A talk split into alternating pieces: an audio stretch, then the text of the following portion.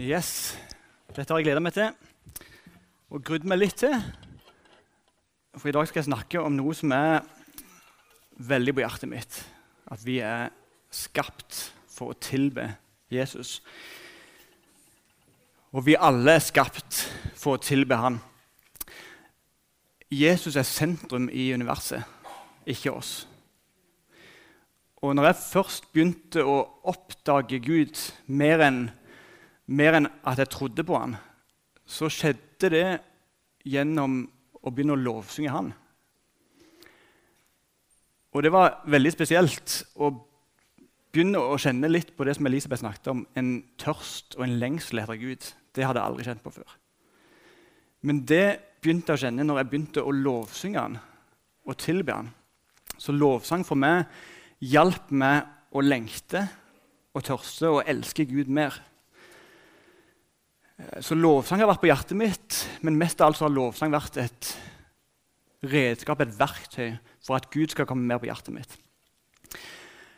Så i dag har jeg bare lyst til å gi litt sånn grunnleggende plattform for hva er dette som vi kaller lovsang, og er dette som vi kaller tilbedelse. Dette fenomenet, disse greiene vi bruker så mye tid på. Hver eneste gudstjeneste skal vi synge til Han. Vi bruker tid på å si til Gud det som han allerede vet. Det er på en måte absurd. En Gud som er allmektig, som ikke trenger noen ting fra oss. Som er Gud om alle folk er døde og alle land er øde. Så vil han ta imot vår lovsang. Det er ganske spesielt. Og kristne til alle tider, på alle plasser, har vært et lovsyngende folk. Det er ikke forbeholdt de karismatiske sirklene alle typer former, alle typer folk til alle tider. Han lovsunger Gud på forskjellige måter. Og vi skal få henge oss på den historien og fortsette å lovsynge Han. Det som vi skal gjøre i all evighet. Og Vi forholder oss nok veldig ulikt til dette. Vi kan bare se rundt på rommet når vi lovsynger. Altså, noen står, noen sitter, noen få går, går på kne. Noen synger høyt, noen er stille, noen observerer. Noen elsker å synge til Jesus, og det kunne bare vart i timevis. Noen ville helst droppe alt som heter tale og dåp, og bare sunge. Men andre kjeder seg før den første strofa er i gang og gruer seg. Noen står med løfta hender, lukka øyne. Ser ut som de er i en annen atmosfære. Andre sitter på bakerste benk og åpner så vidt munnen i frykt for at noen skal høre dem. Noen synger høyt med den stemmen de har, til glede for noen, til sorg for andre. Andre kikker seg rundt for å observere. Men vi er skapt for å tilbe Jesus. Det gjelder hver enkelt av oss. Og Tilbedelse det, er, det rommer mer enn lovsang. Å tilbe er mer enn bare å lovsynge. Det kan godt være at noen har anstrengt forhold til konseptet lovsang. Men uavhengig av det, vi er skapt til å tilbe Jesus. Det var en som sa at lovsang det er i beste fall lyden av vår tilbedelse. Tilbedelse er noe vi gjør med liv og hender og føtter og kropp og penger og alt vi er og eier og har. Lovsang er noe vi gjør med munnen vår. Så tilbedelse er større enn lovsang. Og Min påstand er at alle folk, hvert eneste menneske, er skapt for å tilbe Jesus. Lille Alfred, lille David, er skapt, er født for å tilbe Jesus. Og livene de sine skal få handle om at Jesus drar dem nærmere og nærmere seg. Og at Jesus blir større og større det større de blir. Og det er vår bønn. At de skal bli tilbedere av Jesus og løfte han opp. Og Det kan godt være at vi tilber på veldig ulik måte. Vi tilber ut ifra vår personlighet, men i alle fall, alle er skapt til å tilbe. Og Min andre påstand er at alle tilber noe. Bob Dylan, som jeg hører mye på på LP, jeg har fått med LP-spiller, han synger You have to serve somebody. You've got to serve somebody. It may be the devil, it may be the Lord, but you're gonna have to serve somebody. For det ligger latent i oss. Vi er lagd med Noe som vil tilbe noe. Og Gud har gitt oss den friheten til at vi kan velge sjøl og vi vil tilbe. Men et eller annet må vi tilbe. Og tilber vi ikke Jesus, så kommer vi til å tilbe noe annet. Og tilber du? Og tilber vi? Muslimer tilber alle. Materialister tilber ting eller penger. Humanister tilber mennesket. Mange som tilber friheten. Mange tilber seg sjøl. Men vi kristne er kalt til å tilbe en korsfesta og oppstanden Jesus Kristus. Og Bibelen sier mange skal se det og frykte og sette sin lit til Herren. For det er en absurd ting, spesielt i Vesten, som handler så mye om oss sjøl. Og så er det folk som velger å sentrere fokuset og livet vekk fra seg sjøl og på en Jesus som er død og stått opp igjen. Og si at du er konge, du er herre, og her vil vi være, og det vil vi bruke tid på. Tilbedelse det er jo et sterkt ord. Jeg vet ikke hvor mye dere bruker det ordet i dagligtalen. men jeg tipper de fleste av oss har ikke det i, i det vanligste ordforrådet. Det er ganske kraftig å tilbe noe. Å tilbe noen. Det tar du ikke lett på. Når Jesus ble frista av djevelen i ørkenen, og djevelen frista Jesus til å falle ned og tilbe ham, så svarte Jesus, 'Herren din Gud skal du tilbe.' Han alene skal du tjene. Så Jesus han ønsker vår tilbedelse. Og i vår kultur, som handler om å holde fasade og ha kontroll og ikke uttrykke for mye verken følelser eller hengivenhet, så er tilbedelse et ganske kraftig ord. Vi kan vise respekt. Vi kan uttale at vi tror. Men det sitter ganske langt inne for nordmannen, og kanskje spesielt jærbuen, å bruke ord som å tilbe, hylle, prise, løfte opp. Og du vet at noe har skjedd, at Gud har gjort et mirakel når trauste jærbuer står i hengivenhet og synger 'Jeg tilber deg, Jesus'. Jeg priser det. Det er et mirakel. Du trenger ikke andre mirakler enn det. Det største som kan skje. Da vet du at Gud fins. For da har det skjedd noe. Gud har dratt noen ut av kultur og ting.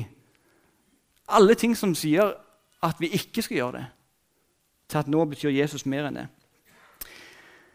Når disiplene hylla Jesus når han kom ridende på et esel i Jerusalem, så reagerte fariseerne og sa, 'Hører du hva de sier?' De ropte, 'Hosianna, se han som kommer, Davids sønn.' Men Jesus sa, 'Hvis de tier, så skal steinene rope.' Noen skal tilbe meg. Om ikke noen folk gjør det, da skal resten av verden gjøre det. Alt som har ånde, skal gjøre det.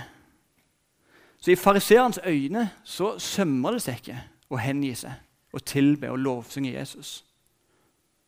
Og Jeg kan ofte kjenne meg igjen i fariseerne.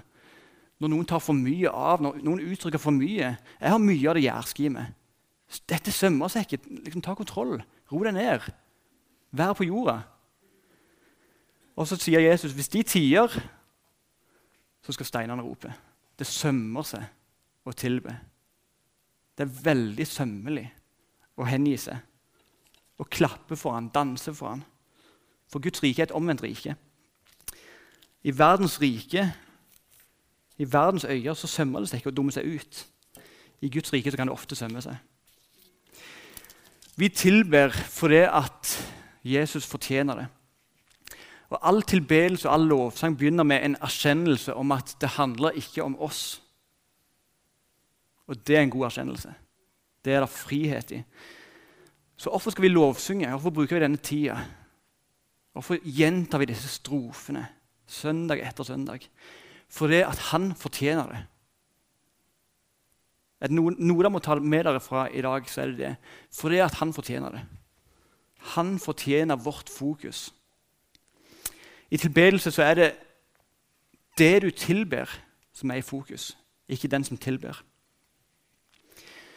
I lovsang fins det bare ett publikum. Og det er ikke de som sitter i salen, men det er Gud. Og vi er den, de som framfører sammen vår lovsang til Han som er publikum. Han er den eneste som tar imot lovsangen. Det er så mye annet som handler om oss. Og lovsang er denne fantastiske friplassen der vi får se vekk fra oss sjøl og fokusere helt og fullt på Han. Og det er fantastisk. Vi trenger det å se vekk fra oss sjøl, for vi ser på oss hele veien. Lovsang begynner med Han. Det er uavhengig av våre omstendigheter, alt som kan være vanskelig, alt som tar fokus.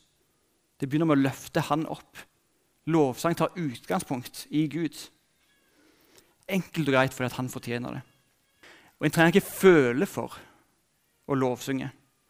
En kan ha 1000 issues og 10 000 grunner for å ikke lovsynge. Men vi lovsynger fordi han fortjener det. Og Det er mønsteret gjennom hele historien i Bibelen. Første frykten skulle bli gitt til Gud i Gamle testamentet. Alt førstefødt, både av mennesker og av dyr, ble ofra til Gud. Mennesker ble hengitt til Gud. Alt førstefødt som kom ut fra mors liv. Tienden av alt ble gitt først til Gud. Så det var et sånt mønster og prinsipp at det første vi gjør, før alt annet, det er å gi det til Gud. Vi begynner der fordi at han fortjener det. Og Det hjelper oss å ha prioriteringene riktige. Jesus lærte oss å be. Vi ba det i stad. Vår Far i himmelen, la navnet ditt helliges. Så før vi begynner å be om vårt brød, om at Gud skal forsørge og beskytte oss, så begynner vi med å be la navnet ditt helliges. Og Jeg tipper det er den bønna i Bibelen som kanskje er minst naturlig for oss å be. La navnet ditt helliges. Hva betyr det?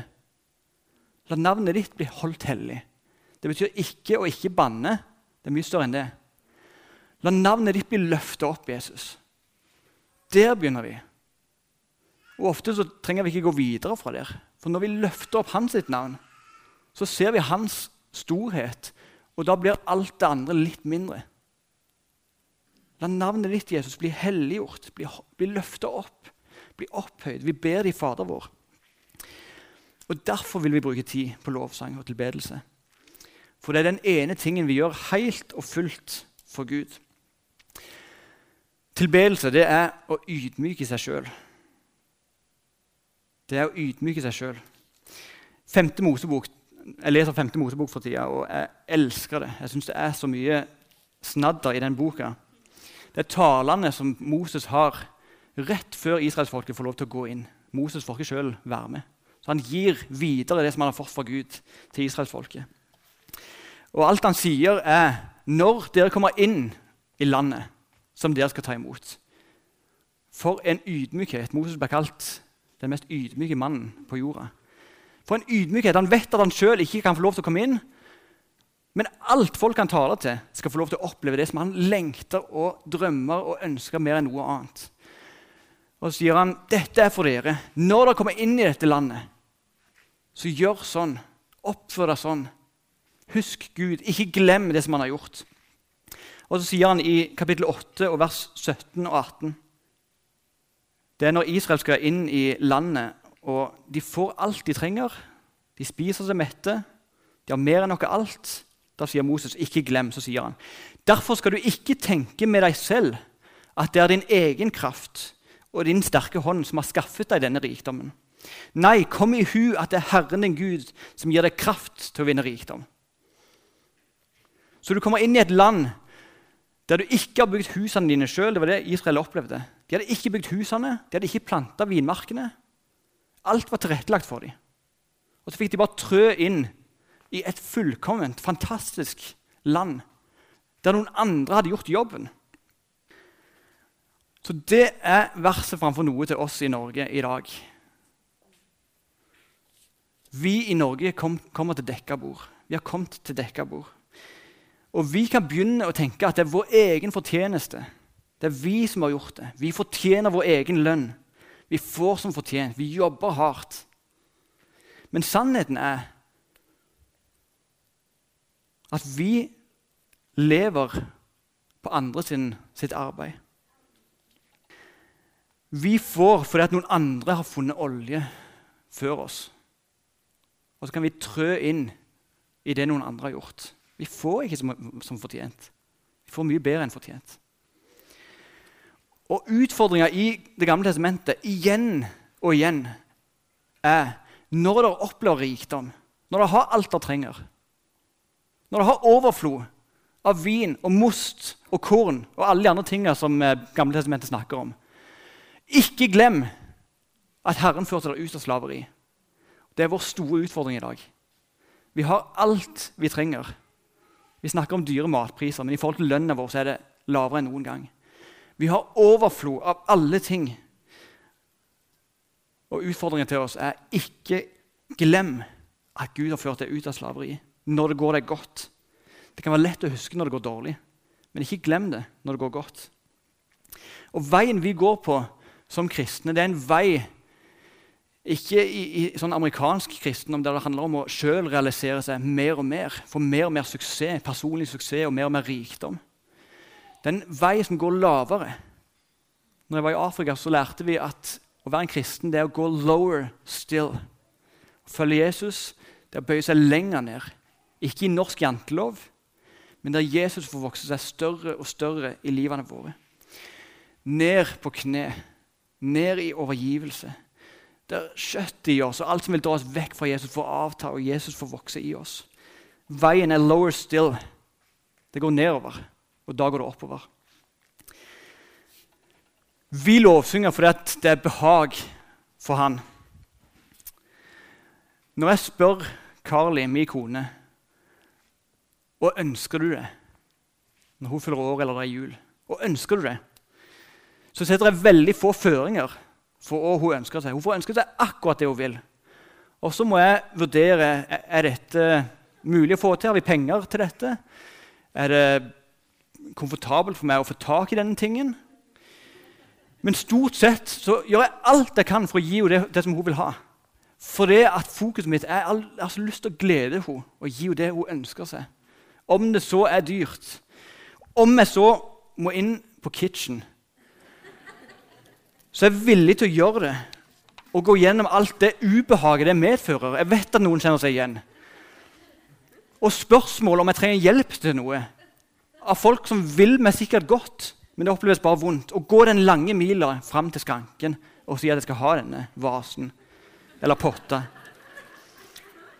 Og det vil jeg gjøre. Jeg har ikke gjort det. Hun har ikke ønska seg noe der. Takk Gud. Men jeg ville gjort det, for jeg ville gitt henne det som hun ønsket seg mest. For det at jeg vil gjøre henne glad. Jeg sier ikke til henne du kan ønske deg noe i forhold til dette området eller på disse butikkene. Alt er lov. Og jeg vil gjøre alt jeg kan for å gi deg det.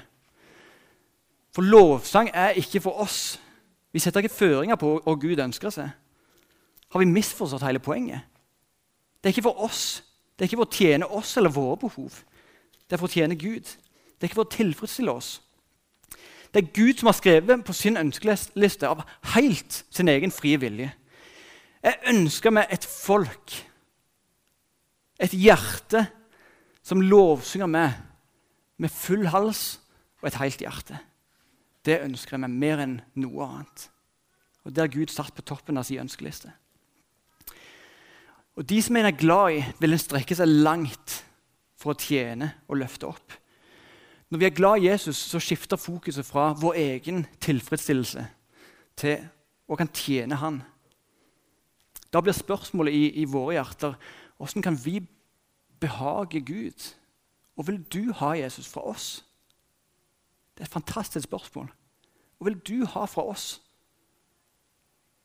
Og når vi begynner der, så er utgangspunktet at vi vil tjene og elske Han. Og så er det Han som bestemmer.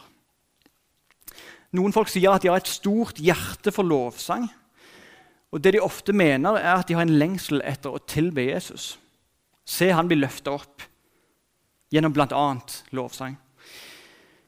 Men for noen så har de et større hjerte for lovsang enn for Gud. Det er akkurat som de har et kjempestort hjerte for konseptet eller stilen lovsang. Det viktigste kriteriet for oss og de som leder lovsang, det er ikke å ha et hjerte for lovsang, men det er å ha et hjerte først og fremst for Gud og behage Han. Vi må elske Gud mer enn lovsangen. Lovsangen eksisterer ikke av seg sjøl. Den eksisterer for å hylle Gud. Ok, Lovsang er en respons på det som Gud har gjort for oss. Vi lovsynger først og fremst fordi at Han har åpna veien for oss. Og det er utgangspunktet for å lovsynge. Vi var døde. Han gjorde oss levende. Vi var atskilt fra Gud pga. vår synd. Og vi kunne ikke komme til han sjøl. På hans initiativ, av sin egen frie vilje, så valgte han å dø på et kors og betale for vår pris. Han trengte ikke gjøre det. Han hadde vært Gud selv om han ikke hadde gjort det. Og han hadde vært rett til å ikke gjøre det. Det er ikke sånn at vi, vi fortjente retten på å bli tilgitt. Men han gjorde det for at vi kunne bli forsont med han og fellesskap med han. Hans blod rant for oss. All vår synd ble kasta på han på korset. Og i tillit til det som han har gjort, ikke i tillit til vår prestasjon, i tillit til det som han gjorde på korset, så kan vi komme fram for han og synge ut til han. Gud, du er stor. Du er fantastisk. Du har tilgitt all min skyld. Min synd og min sykdom og skyld og alt er kasta på det. For du betalte den fulle prisen. Så kan vi se inn i hans nydelige ansikt og stråle av glede. Fordi at vi har blitt tilgitt for alt vi har gjort. Og det er mye bedre å gå gjennom korset enn å gå gjennom vår egen prestasjon eller å bli åndelig nok. For det blir vi ikke. Lovsang er et valg. Det er ikke en stemning vi skal komme inn i. Og lovsang i Gud er helt og fullt et valg. Det er noe vi kan velge. Derfor trenger vi ikke oppvarming for å komme inn i lovsang. Vi trenger ikke å komme inn i rett mood. Og det er klart Når det er baneskrik og ungene ikke vil eh, komme seg ut, og det er full frustrasjon og det er masse leven og lyd, så tar det litt tid å skifte fokus fra ungene til Gud. Det kan oppleves som en lang vei fra irritasjon til å være i hengivenhet. Men lovsang er et valg. Det, det kan være ekstremt kort vei. Det er uavhengig av følelser fordi det handler om han. Så da kan vi være frustrerte på ungene.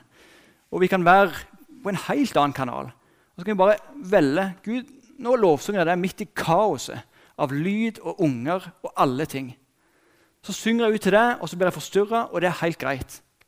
Livet er jo sånn. Vi lovsynger Gud i alle livsfaser. Vi må ikke ha 15 år pause når ungene er, er, små. og det er mange ting som skjer.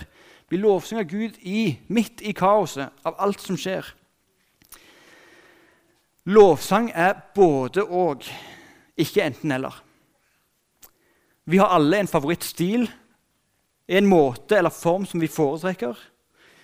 Men hvis lovsang handler først og fremst om å gi ære til Jesus, så er vi villige til å lovsynge Gud sjøl i stilarter og former som kanskje ikke er helt hjemmebane for oss. Er dette greit, eller er det utfordrende, eller det er greit? Ja. Ikke noen uh, steiner. Det er greit å lovsynge Gud i andre former enn det som er vår hjemmebane, for det handler ikke om oss. Men lovsang er både òg. Både gammelt og nytt. Begge deler vil vi ha. Og det er greit om vi er litt utenfor vår egen komfort. Både de, de dype teologiske refleksjonssangene og de helt enkle, barnlige sangene. Jesus elsker alle barna. Kan det bli noe mer enkelt og banalt enn det? En lovsang til Gud vi hyller han fordi han faktisk elsker alle barn. Røde, gule, hvite, svarte. Det er akkurat det samme han sagt. Og Jesus, du søte forening og smake, som jeg ikke forsto når jeg vokste opp. Og i all verden er denne foreninga. Det eneste foreninga jeg visste om, var foreninga som mor mi gikk i. Og så har det blitt en av mine favorittsanger. Jesus, du søte forening og smake. Lengter etter forening med deg, lengter etter samfunn med deg, Jesus. Mange ord, lite gjentakende. Vi vil ha både og, ikke enten-eller. Og de kan synges rett etter hverandre. Takk, min Jesus, du satte meg fri. Til og med feil form. Du satte meg fri, synger vi. Det skulle vært 'satte meg fri'. Men i vår barnlighet og enkelhet så synger vi de enkleste sangene. Både å synge om Guds storhet og uttrykke vår kjærlighet. Både og. Vi går så ofte i enten-eller. Noen vil bare synge om Gud. Og det trenger ikke handle om oss i det hele tatt. Noen vil bare uttrykke sine egne følelser. Og det er grøft alle veier. Vi vil ha både og, ikke enten-eller. Løfte han opp for hans allmakt og elske han som en brudgom. Både og. Gud er opphøyd, og han er vår brudgom, som vi elsker og lengter og tørster etter. Og vi er hans brud, lik det eller ikke. Og Det kan være kleint og merkelig å uttrykke ord som vi ikke pleier å bruke. Men det går an å vokse på dette. Det går an å lære. Høysangen begynner med og Jeg har vært mye i høysangen de siste åra, og det har hjulpet meg til å se Jesus mer og mer som en brudgom og meg og kirka som en brud. Den begynner med dette, denne kleine setningen her. Og om han ville kysse meg med kyss av sin munn, din kjærlighet er bedre enn vin. Duften av oljene dine, salvene dine, det lukter fantastisk. Og om du ville kysse meg med kyss av din munn. Og Dette er jo en høysang for å hedre kjærligheten i ekteskapet. Men i 1800 år av kirkehistorie så har denne høysangen blitt tolka allegorisk som at den handler ikke først og fremst om en mann og en dame, men først og fremst om kirka og Jesus. Så den boka velger Jesus å sette inn i Bibelen som et bilde på hva kirka skal være i forhold til sin Gud. Som en brud til sin brudgom. Og så begynte jeg å lese disse versene i høysangen og prøve å snu dem om til bønn til Gud. Veldig merkelig. Ingenting i meg eller min personlighet som naturlig gjør dette. Men her er det noe som jeg tenkte, her, her må jeg lære. Dette vil jeg gå inn i. Jeg vil lengte etter Gud som en brudgom lengter etter sin brud. Eller som en brud lengter etter sin brudgom. Og så begynte jeg å be. Å, Gud, om du vil kysse meg med din munn. Ikke fysisk munn, det er jo ikke det vi mener. Men det som kommer ut fra Guds munn, det er jo hans ord. Gud, om du vil kysse meg med ditt ord, om du vil gi meg ditt ord sånn at det treffer hjertet mitt og forandrer meg og skaper liv i meg La ordet ditt bli det som jeg lengter og tørster etter hver dag, mer enn mat. Og så ber jeg din kjærlighet er bedre enn vin. Og vin på Bryne er jo noe veldig negativt. Vin i Bibelen med alkohol i er noe veldig veldig positivt. Din kjærlighet er bedre enn vin, og vin er det beste du kan få i Bibelen. Det er et tegn på velsignelse. Overflod. Din kjærlighet er bedre enn det, det beste jeg kan få på jord. Og når jeg sier det mer og mer, når jeg ber det, så skjer det noe i meg, og det blir mer og mer sant. Din kjærlighet er bedre enn vin, enn det beste. Duften av oljene dine er deilig. Navnet ditt øses ut som olje. Derfor liker ungjentene det. Her er det et hav å gå inn i. Nyt det. Bruk resten av livet på å gjøre det. Men jeg vil plassere meg i en lengtende posisjon. For i meg sjøl og naturlig sett så er jeg jo ikke der. Så jeg vil gjøre alt jeg kan for å sette meg inn i en posisjon av lengsel. Der jeg sier Gud, jeg lengter og tørster etter det. Om jeg ikke får noe annet ut av livet enn å kjenne det og elske det. Har jeg nådd det beste jeg kan nå. Så vi, vi tror på både og. Vi tror på det hellige, store. Vi tror på det ekte, nære, folkelige. Begge deler. Vi tror på det avslappa, der vi kan ligge og hvile i fars hender, der han er en pappa, han tåler alt vi har på hjertet. Og Samtidig tror vi på at kongen kommer inn, og da reiser vi oss, for han er hellig. Begge deler samtidig. Og Det er merkelig alle de bibelverser som snakker om å tilbe Jesus med kroppen vår. Og flinke vi er til å åndeliggjøre dem. Alle andre ting i Bibelen prøver vi å forholde oss til sånn som det står. Klapp hender. Løft hellige hender.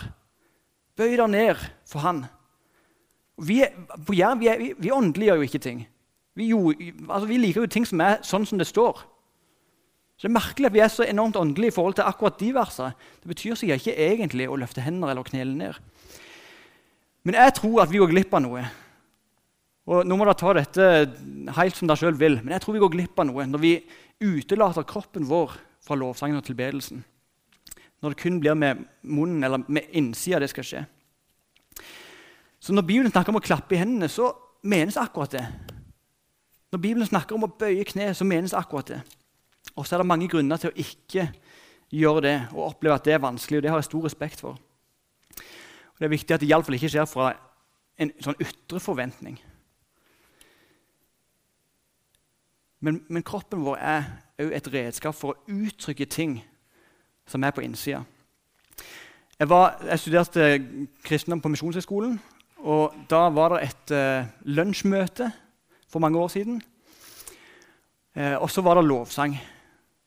Og der er alle prester og på en måte alle viktige folk og studenter og teologistudenter.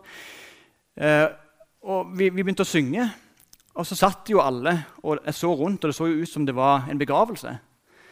Og så bare sang jeg denne teksten og tenkte jeg dette var en utrolig sterk tekst. Det ser jo ikke ut som om vi synger det vi egentlig synger. Det er ingenting på utsida som viser det. Og jeg tenkte jeg må reise meg her. Er liksom, her. Her er det Gud som er kongen og blir løfta opp. Skal jeg sitte her og ikke uttrykke dette med kroppen? Eller ikke uttrykke det som hjertet sier? Og jeg tenkte åh, dette er kamp. Her, her, er det vanskelig å reise seg opp. Alle kommer til å se meg. Alle kommer til å synes jeg er helt fjern. Men ok, jeg reiser meg.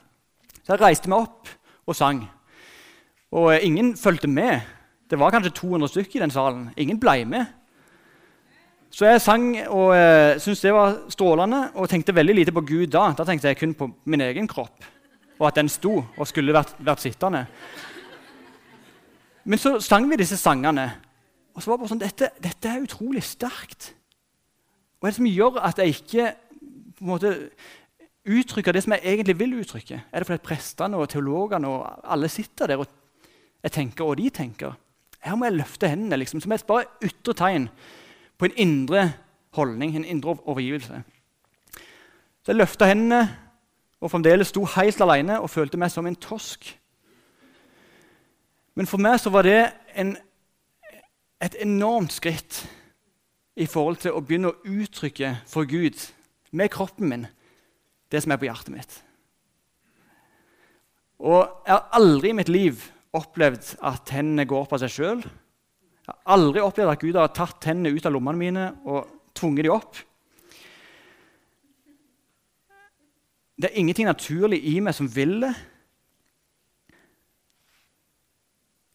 Men jeg kan velge det. Mange av oss gjør det på fotballkamp. Mange av oss klapper på fotballkamp og uttrykker noe. Så det er noe i oss som syns at dette er på noen settinger kanskje naturlig. Men jeg velger det som et ytre tegn på at jeg vil, jeg vil overgi kroppen min til Gud. Som et tegn på at jeg gjør det på innsida. Alt jeg trenger for å løfte hender, står i Bibelen. Jeg trenger ikke noe mer enn det. Jeg trenger ikke noen følelse. Alt du trenger for å løfte hender, står i Bibelen så har jeg stor respekt for personlig vandring. i forhold til dette. Så det er viktig for meg å uttrykke det som skjer på utsida, er ikke et tegn på verken åndelig modenhet eller noe som helst. Snarere omvendt. Så det er ikke mer åndelig å gjøre noe som helst. Det er aldri bortkasta tid å lovsynge. I vårt fokus på framdrift, suksess, mål, strategi så bryter lovsang helt opp med dette. Vi lovsynger ikke for å få noe ut av det. Vi lovsynger ikke for å nå Bryne. Vi lovsynger ikke som et redskap, først og fremst. Vi lovsynger fordi at han fortjener det. Vi hengir oss til Jesus og kun det. Vi måler ikke vår åndelige modenhet. Vi takker han og bare det, og stopper med det. Og det er befriende. Vi teller ikke hellighetspoeng. Du er fri for alle søndagsskoleklister du ikke fikk i barndommen, fordi at han fortjener det. Og så kan lovsang ofte koste. Når ingenting i oss vil tilbe Jesus. Når tilsynelatende ingenting i oss ser Guds storhet, når alt er mørkt. Hans godhet virker ondt, og hans nærvær virker fjernt. Gud virker passiv og fjern og svak. Når det ser ut til han ikke evner å komme inn i ditt liv og din situasjon, eller rekke bort til der du er, som om du er utenfor Guds rekkevidde da koster det å lovsynge. Da koster det å tilbe Jesus på tross av der vi er og alt vi opplever. Og Da kan det være mange tekster som oppleves ganske falskt å synge. Spesielt tekster som går på oss, og, hva vi føler det. Men vi kan lovsynge for det. Vi kan synge om Guds storhet for det. For det er sant, uavhengig av hen vi er, og som skjer, og som har skjedd, og vi tenker og vi føler. Uavhengig av om vi klarer å mane fram nok tro, så kan vi lovsynge Gud på tross av og synge ut sannheter om Han, selv om vi sliter med å tro det akkurat nå. Vi takker Han for det er sant. Og så er det et vers i Jakob som sier når du lider, da skal du be. Når du er glad til sinns, da skal du synge lov, lovsanger. Og Av og til så er det sånn. Det er ingenting som klarer eller vil eller tror eller evner å takke og lovsynge Gud. Og Jeg har vært gjennom en lang periode der det har vært tøft å lovsynge i heimen. Og det har vært tøft å tro på at Gud er nær. Og det har vært vanskelig å velge å takke Gud når det er tilsynelatende ingenting å takke Han for. Det er iallfall sånn det oppleves. Og da å velge å lovsynge Gud og fortsette å lovsynge Han, det er det en frihet i. Helt til slutt lovsang, fordi vi skal gjøre det i all evighet. Salme 145, vers 1 og 2 sier jeg vil lovsynge deg, min Gud og konge. Velsigne ditt navn til evig tid. Jeg vil love deg hver eneste dag og prise ditt navn til evig tid. En dag står det at vi skal mettes helt og fullt av Hans herlighet. Vi skal se Han ansikt til ansikt. Vi skal bøye kne for Han. Og da skal vi bli mette. Fullt ut. Alt det vi lengter og tørster etter, det skal Han tilfredsstille. Og vi skal bli mette. Og da skal vi lovsynge Han i evighet og aldri bli leie. For vi skal se Han sånn som Han er. Vi skal være fri for alt det som holder oss nede, og se Han i Hans fantastiske ansikt. Og det gleder vi oss til. Så kan ikke lovsangstimen komme fram, og så bruker vi de siste ti minutter på å lovsynge Gud. Og så begynner vi med å reise oss opp. For det er en sånn god utgangsposisjon. Og så er det fri til å sette dere, til å løfte hender, til å holde hendene godt planta i lommene, til å knele ned, til å danse, til å klappe i hendene. Og så bruker vi tida på å løfte fokuset vekk fra oss sjøl og over på Han som er vår far, konge og mester. Og dette er en fantastisk plass å avslutte før sommeren. Så Jesus, vi bare priser deg for din godhet, og at lovsang og tilbedelse handler fullt og helt om deg. Du som har dødd for oss, du som har betalt vår pris, du som har gitt deg sjøl til oss på ditt eget initiativ. Og takk for at vi får respondere tilbake og si at vi er glad i deg, Jesus. Vi hyller deg, og vi priser deg, og vi løfter deg opp for den du er, og din karakter og hele ditt vesen. Amen.